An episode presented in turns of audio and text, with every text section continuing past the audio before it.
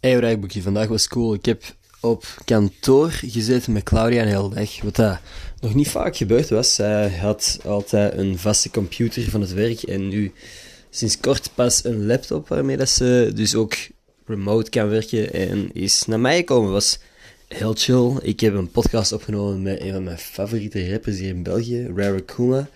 Die komt normaal gezien morgen al online op Gossip Guy.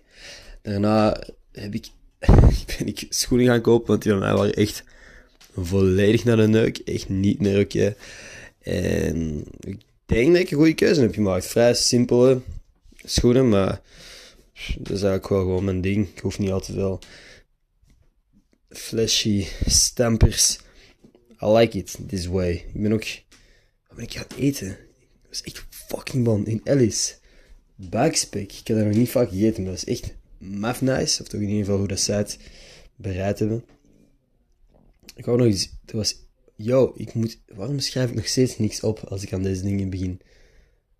Dat was iets wat ik wou delen. Iets, iets interessanter dan wat ik nu net heb gezegd. Huh. ik heb het gevoel dat deze podcast vaak is. Ik wou iets zeggen, maar ik ben het vergeten. Ik ga morgen wel eens echt tijd nemen om wat dingen op te schrijven voordat ik hier aan begin. Alright, tot morgen dan.